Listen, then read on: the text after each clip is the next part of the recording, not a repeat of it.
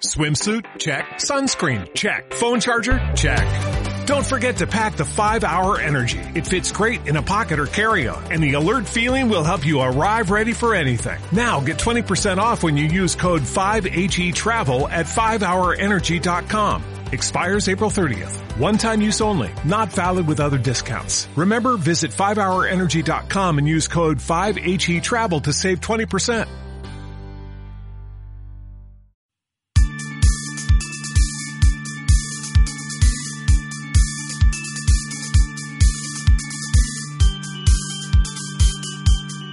Amunt, aprendre i emprendre. Capítol 37.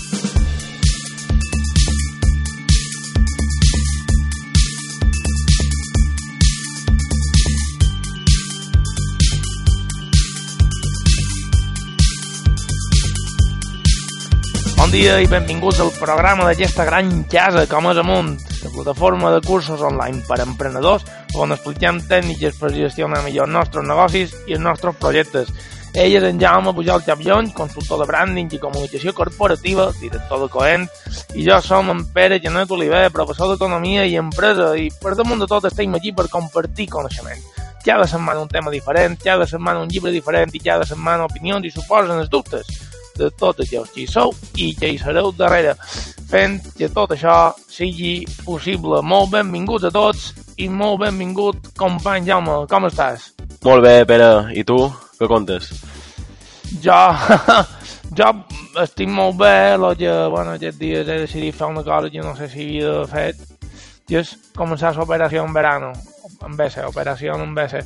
I soc d'una poma i me'n vaig a córrer pel carrer. Menys ahir, que, que fart d'una vida lamentable me vaig arriar una pizzata i una tarta d'oreo i una bossa de xutxeries i he passat un... Això no... I he passat un... Això ja no... Ah, bueno, tot, tot, avui tornaré a la poma i en els quilòmetres. I tampoc... No, Aquí fem xerrant de podcast d'hàbits I, i, i, m'he comprat, una, m'he comprat una bàscula. després- Que no, que no, que m'he apuntat aquí en el Night Running Club eh, el, reto de, el, reto, el, reto de, el reto de mayo, que he de, que he d'arribar a córrer 100 quilòmetres. I en duig, en duig 30. I més o menys ja crec que arrib. Haurem de fer 100 quilòmetres. Eh? Vull dir, és com anar a Palma i tornar a Geri Geri. Res. Amb, amb això no t'acompanyaré. Bé, jo, jo te, te puc comentar que si tot va bé, a partir d'aquest mes comença a escriure en el diari de Mallorca i, i bé, estic Ande, super, no ho sabia. super Molt satisfet. bé, molt bé, molt bé. Eh, eh, I content per això, perquè m'ho donen un espai eh, a la secció de- d'empreses i això per escriure sobre branding i sobre, bueno, lo que la meva àrea de, de negoci i això, i, i estic content perquè en principi eh, escriuré fins a, fins a final d'any. I, i entre això, el blog i un parell de coses més que, que estic fent per, per l'any que ve, pues, eh, li donaré canya a escriure que ja fa estona que me feia, me feia ganes i, i bé, ja, ja aniré, ho aniré contant, a veure com reacciona la gent i a veure si vosaltres ho, ho trobeu en el diari i això, pues mira, me feis un favor, m'envieu m'envieu alguna foto i, i, i me, me deis que, que vos ha parescut i, i si ho tindré en compte pels pròxims mesos. Perfecte, doncs enhorabona Jaume per l'obra diari i que t'ha impat la secció d'empresa, sempre és molt millor que la secció de, de necrològiques, amb diferència. que tenim ara. Com a xistell, no? De l'home que se mirava sempre el diari, les necrològiques, i dius, que mare, diu, per un dia que sorteix i no ha vengut. Bé, dit...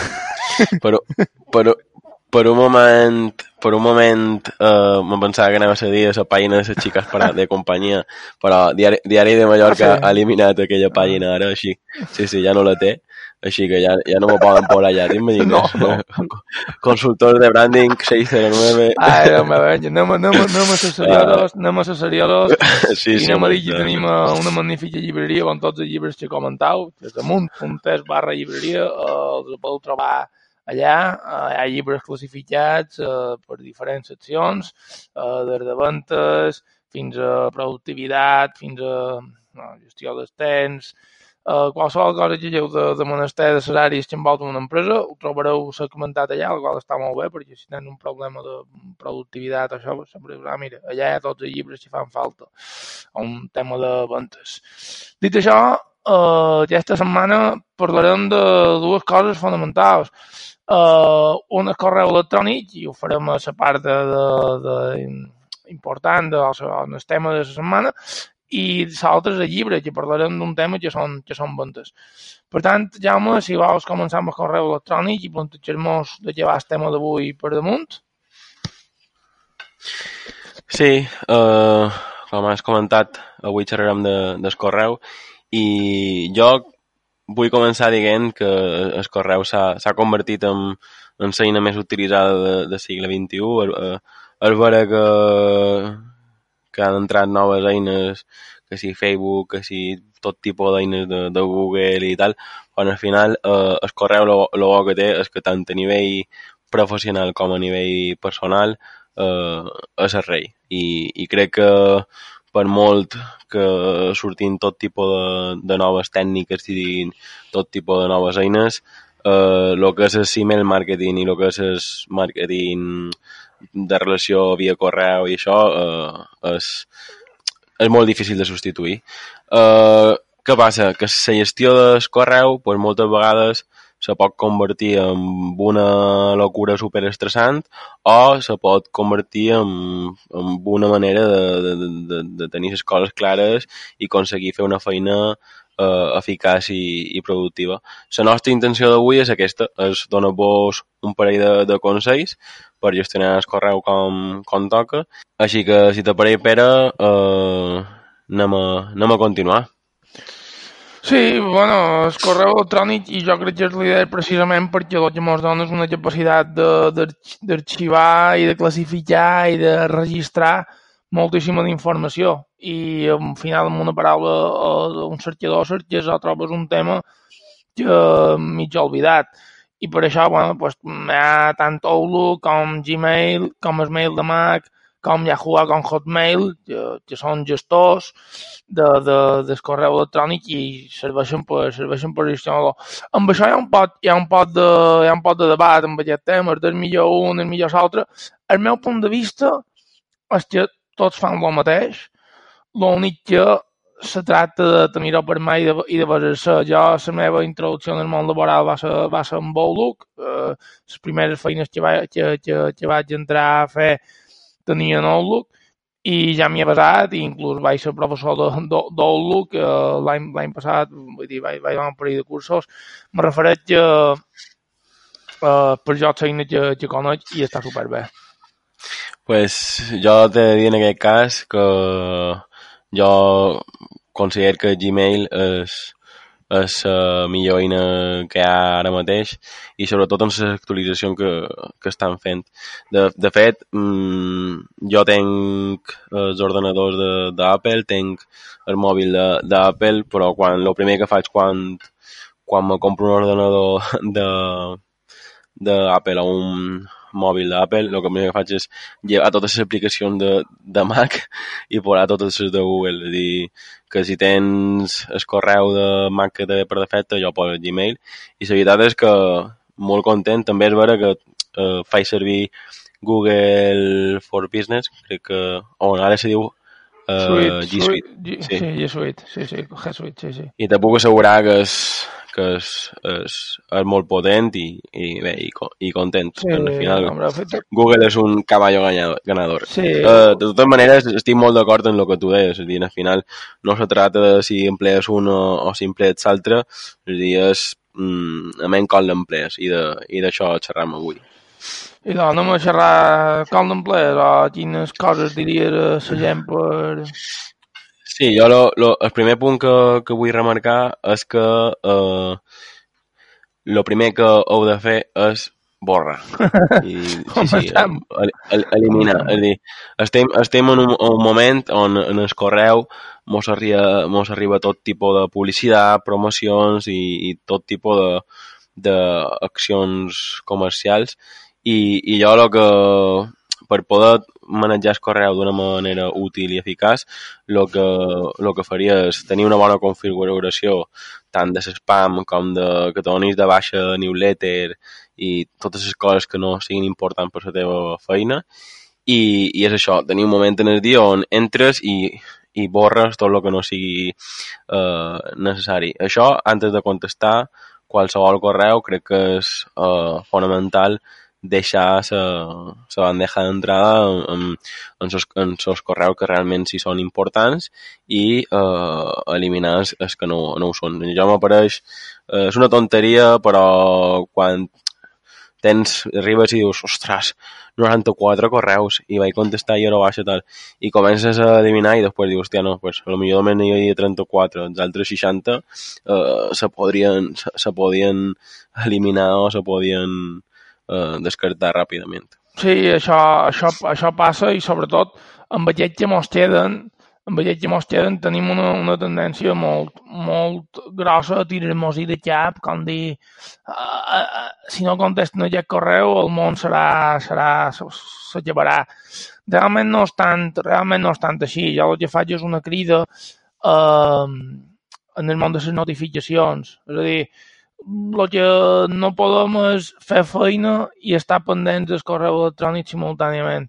Eh, si tu vols, i això ho vam comentar per ja en el capítol 8, si tu vols que t'arreti un matí, el que no pot tenir és les notificacions obertes d'aquesta finestreta emergent que te surt, has rebut un correu, perquè és que inevitablement te començarà a pitjar la mostra, eh, justament el correu del client més, eh, que demana més, o justament eh, un tema un poc delicat.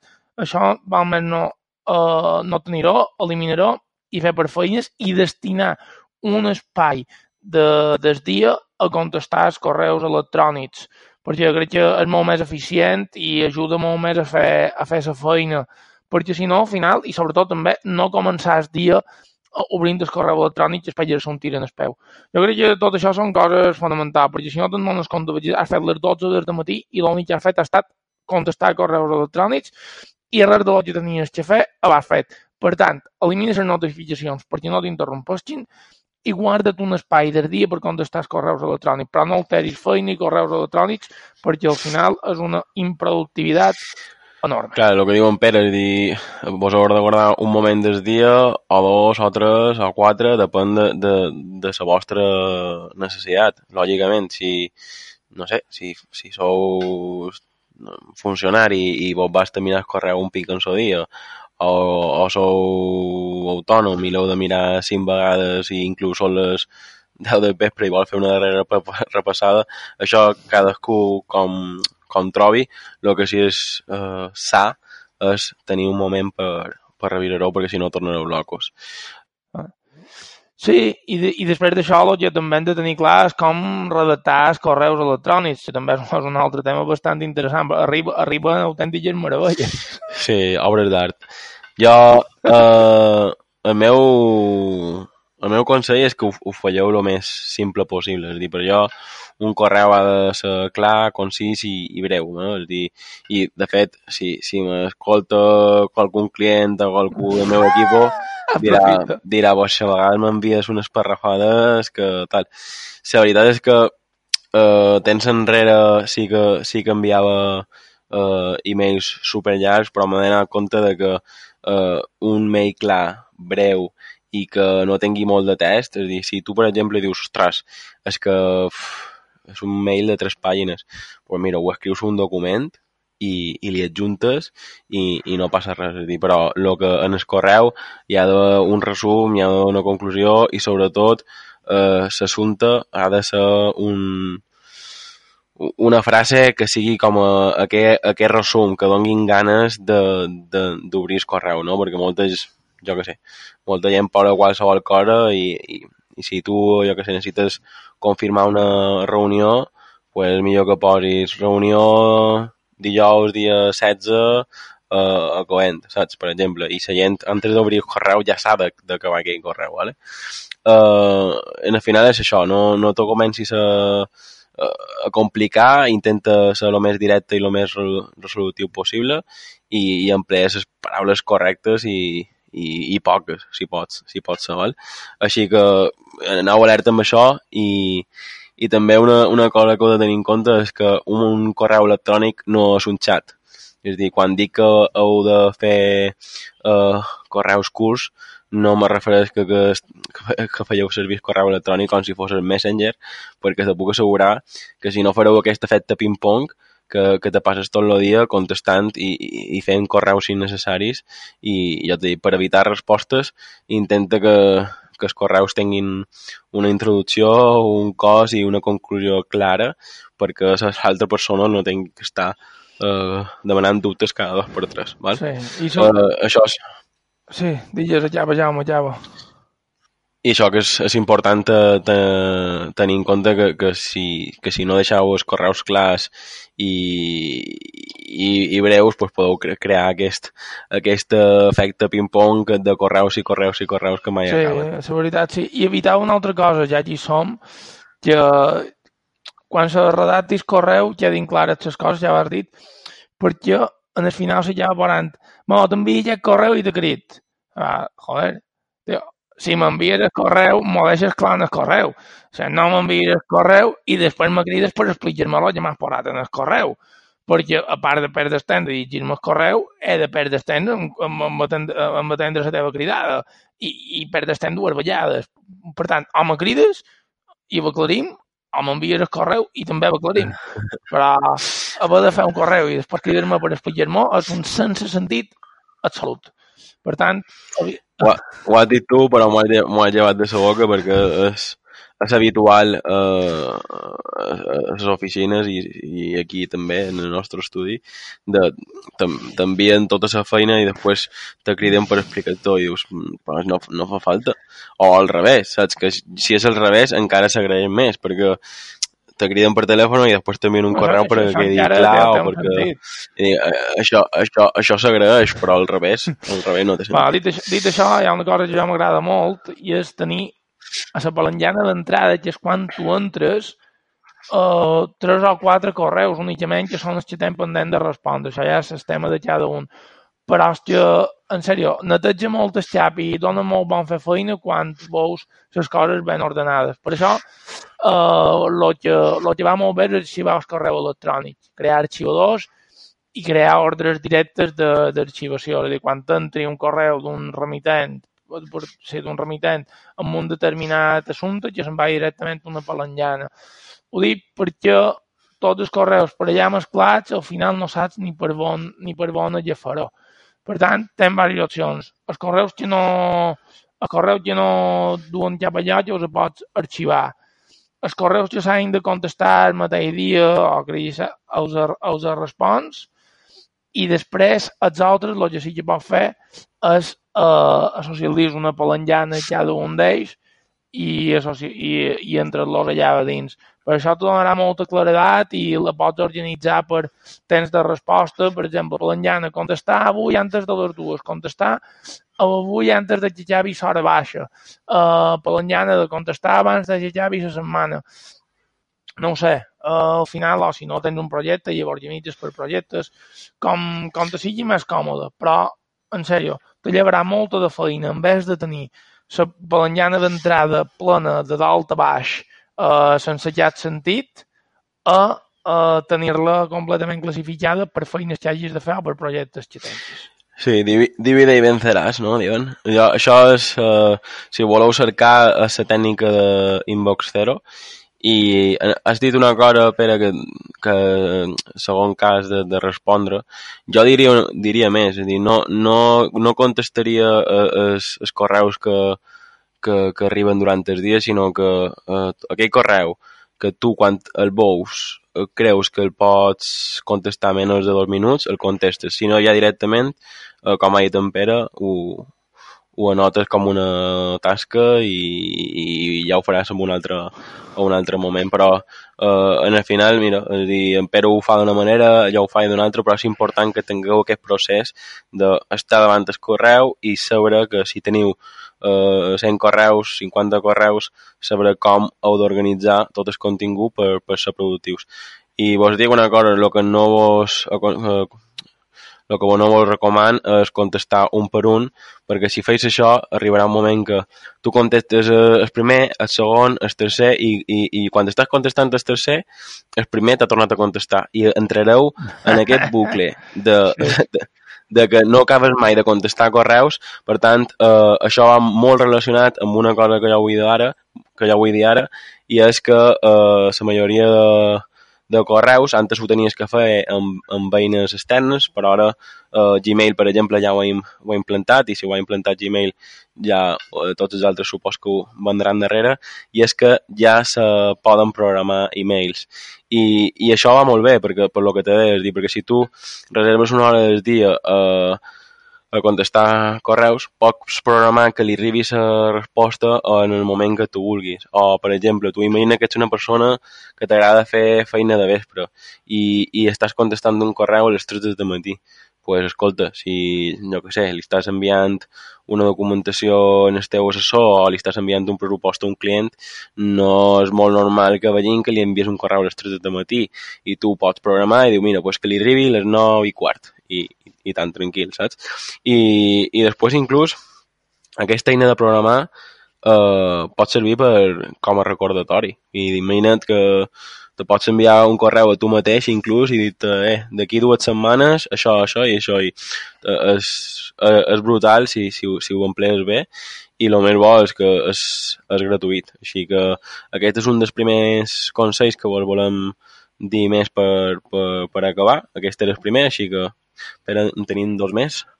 Sí, després, bueno, quan jo al final n'han de guanyar temps, jo m'agrada rejaltar que mm, hi ha molt de correus que se poden respondre de la mateixa manera, sobretot molt dels que entren en els típics info arroba nomdesempresa.com o .es.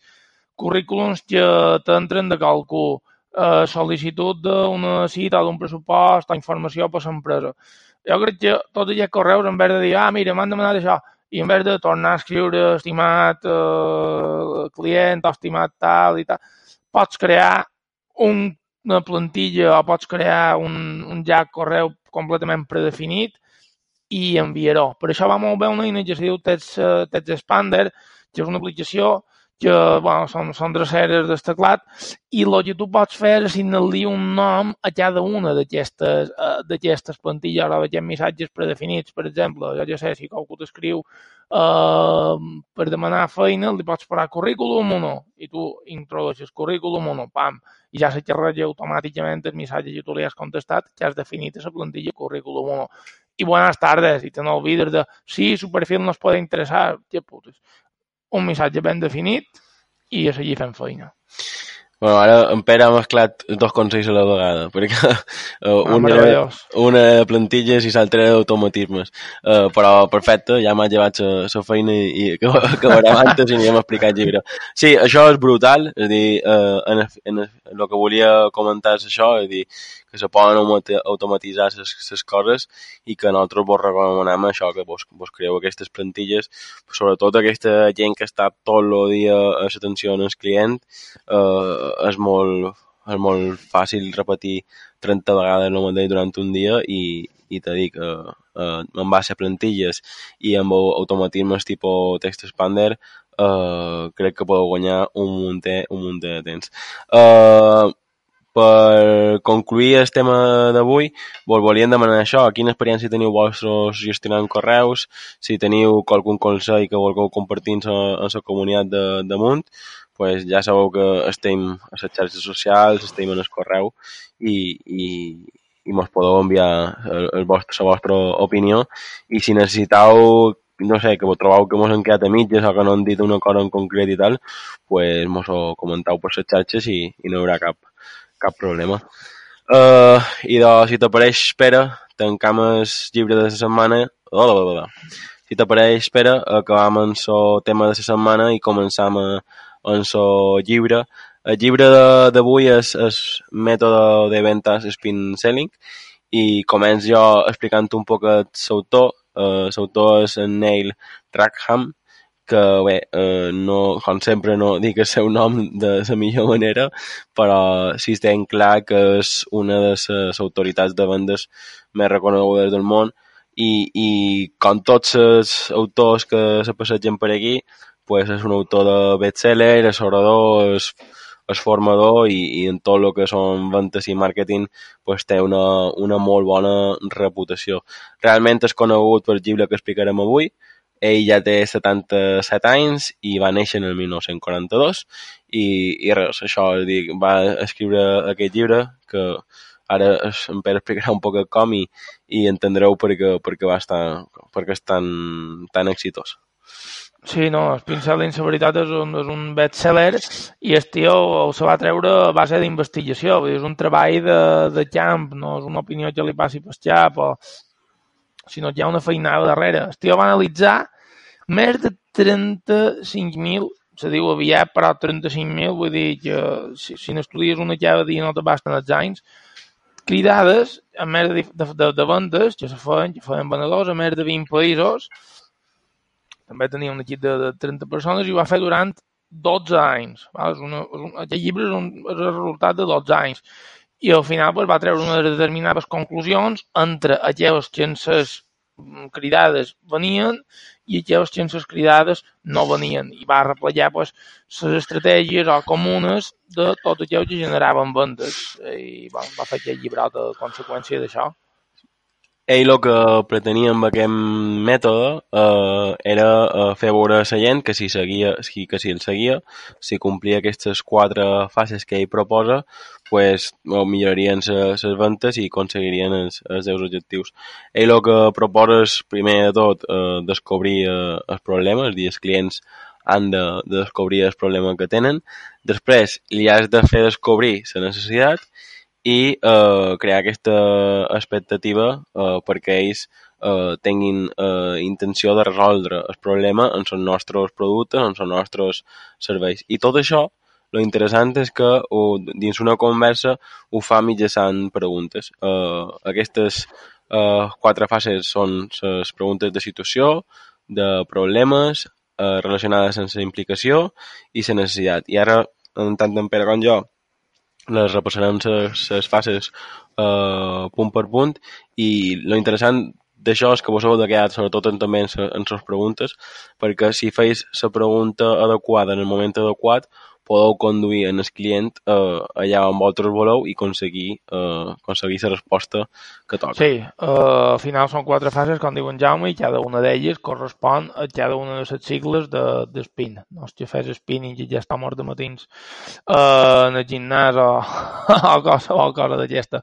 Per tant, la primera és de spin, fa referència a situació.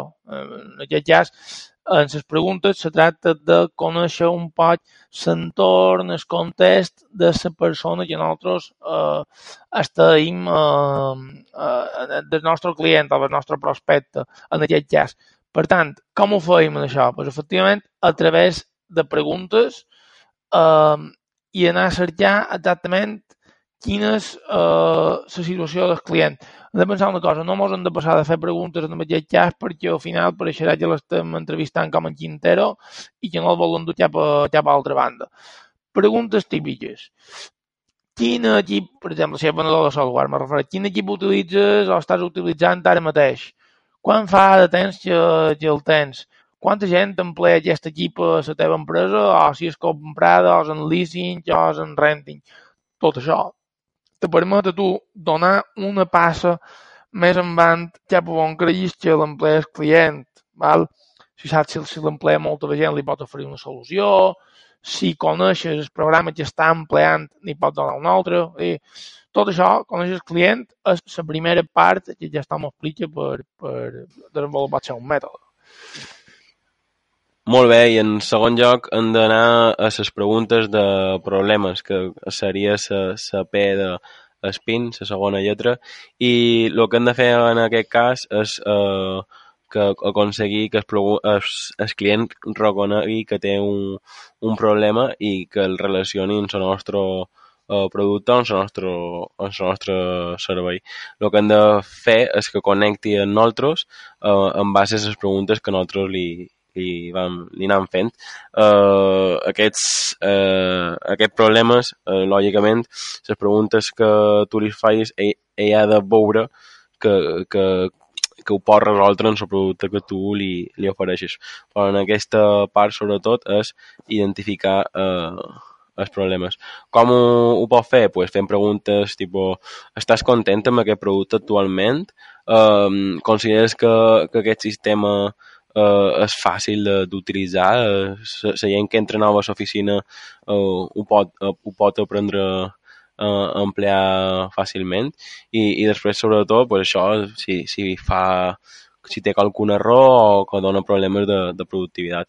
Uh, en el cas d'una impressora, pues, si el teu equip cada vegada que ha de canviar paper i ha d'invertir una hora, pues, probablement si tu detectes aquest tipus de problemes serà molt fàcil que després li puguis substituir la màquina per, per la teva, per exemple, si ens dedicam a, en el món de les, de les màquines d'imprimir. Sí, es, genera, es generava un client que ho acaba rematant en la tercera lletra que és la implicacions. És a dir, fer-li veure als clients les preguntes que no únicament és problema, que ja me comentava, sinó que aquest problema té una sèrie d'implicacions que arrosseguen l'empresa cap a una situació negativa. És a dir, no és que tingui un problema amb el paper que se pugui tascar, sinó que, com deia en Jaume, això afecta també la productivitat de la teva empresa, això fa que perdin els teus treballadors més temps.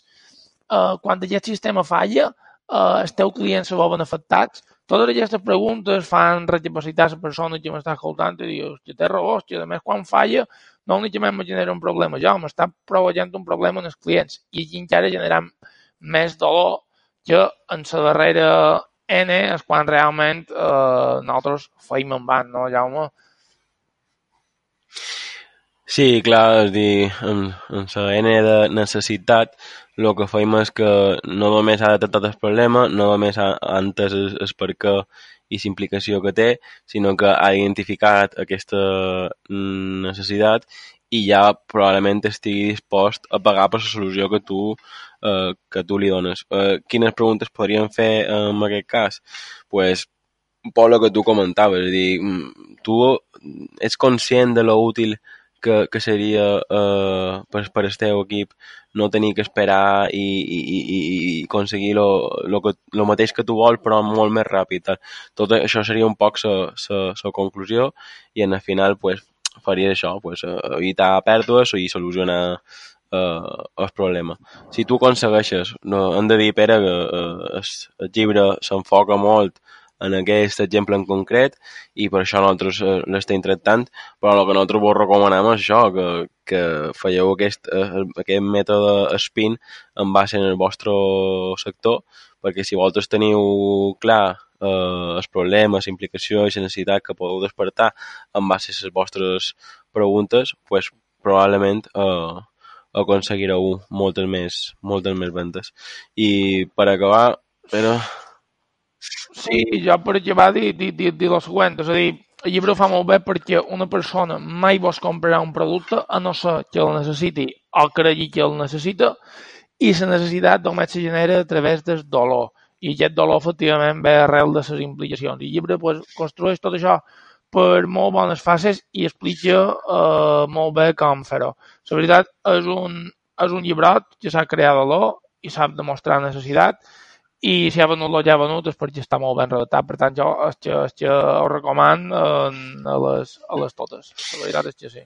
Sí, i per, a, per acabar eh, teniu en compte això, que si aconseguiu entusiasmar el client en base a les preguntes, pues, la, la venta la teniu, la teniu segura pues, Pere, jo crec que ho podem deixar aquí. Crec que hem invertit un poc més de temps en el tema que en, en el llibre, però tampoc és un, un llibre d'aquests sí. eh, petitet que està ben escrit i se pot, se pot, se pot explicar explicar en poques paraules. Si... No, no és un llibre de passada, no és un llibre de passada. Si, si t'apareix ho deixem aquí i res, a tu que mos escoltes, sí que te demanaria pues, eh, que compartesquis els, els nostres programes, aquest o els que més t'hagi agradat, i així arribarem a més gent i com sempre mos podeu fer les preguntes i els, i els comentaris a pere.romamunt.es i jaume.romamunt.es i mos podeu valorar tant a iTunes com a iVox. Així que estem aquí una setmana més a vostra disposició I res, com diu en Pere sempre, disfruteu de fer feina. Ara que diràs... Sí, sí, estem aquí per cosa i cosa. Passau gust. Ei, bona setmana. Salut a tots. Vinga, una abraçada, adéu.